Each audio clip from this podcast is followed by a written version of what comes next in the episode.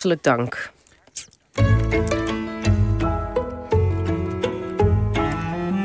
De column van Micha Wertheim. Het zijn wonderlijke tijden. Terwijl in Hollywood de filmwereld vrijwel stil is komen te liggen en alle bioscopen weer gesloten zijn, is mijn telefoon, zonder dat ik daar ooit om gevraagd heb, plotseling begonnen zelf filmpjes te maken. Filmpjes die het apparaatje zelf betitelt als belangrijke gebeurtenissen uit mijn leven. Waarop het apparaat deze hobby plotseling, waarom het apparaat deze hobby plotseling heeft opgevat, weet ik eigenlijk niet. Ik vermoed dat het met verveling te maken had. Begin dit jaar besloot ik dat ik minder met mijn telefoon in mijn hand wilde zitten. Niet alleen ikzelf, maar ook de mensen om mij heen hadden er last van. De hele dag door haalde ik het apparaatje tevoorschijn om te kijken of er misschien mail, nieuws of appjes voor mij klaar stonden. Op 1 januari haalde ik e-mail van het toestel af. Ook de internetbrowser en alle nieuwsapps moesten het ontberen. Facebook, Twitter en Instagram had ik al niet op mijn telefoon, dus dat scheelde. Wat overbleef was een dure telefoon die heel veel kan, maar dat van mij niet mag.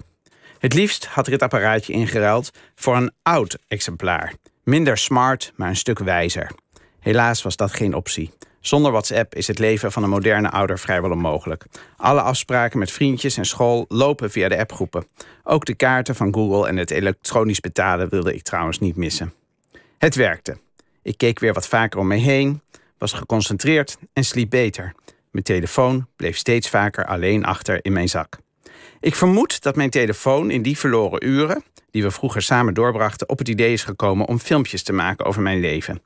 Eigenlijk zijn het meer dia-voorstellingen, maar dan niet het saaie soort waar de buren ons vroeger op trakteerden als we terugkwamen van een vakantie en wij twee uur lang in sigarenrook moesten kijken op welke campings hun tent allemaal hadden opgezet.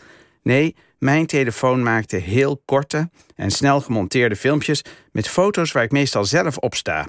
Op vakantie in Italië of tijdens een festival in Edinburgh. Filmpjes met een vrolijk gitaarmuziekje eronder bovendien. Wat mij opvalt is hoe gelukkig ik op al die foto's ben. Dat kan zijn omdat ik nooit een selfie neem als ik boos ben of verdrietig.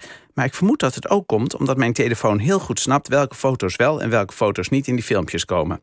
Een stukje geschiedsvervalsing waar ik met open ogen intrap. Waarschijnlijk zou ik mij grote zorgen moeten maken over het feit dat mijn telefoon, als ik even niet oplet, op eigen houtje door mijn foto's gaat.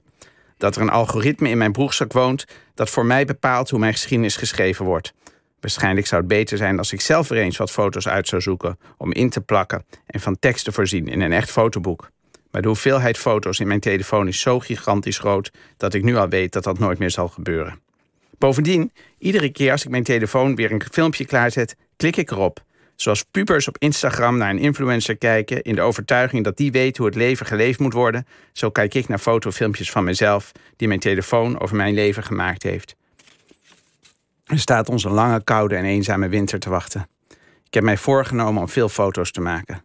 Want hoe verontrustend en beangstigend deze tijden ook mogen zijn, het is een geruststelling om te weten dat er een dag zal komen waarop ik mezelf terugzie met mijn masker of alleen in huis en dat ik zal denken: ja, toen, toen we niemand mochten zien, toen we niemand mochten aanraken, toen we nergens heen mochten, toen de ziekenhuizen overliepen, toen de populisten de macht grepen, toen de winter definitief geen winter meer wilde worden. Ja, toen was ik gelukkig. Ja, Micha, een geweldige kolom. Dankjewel, Micha Wertheim.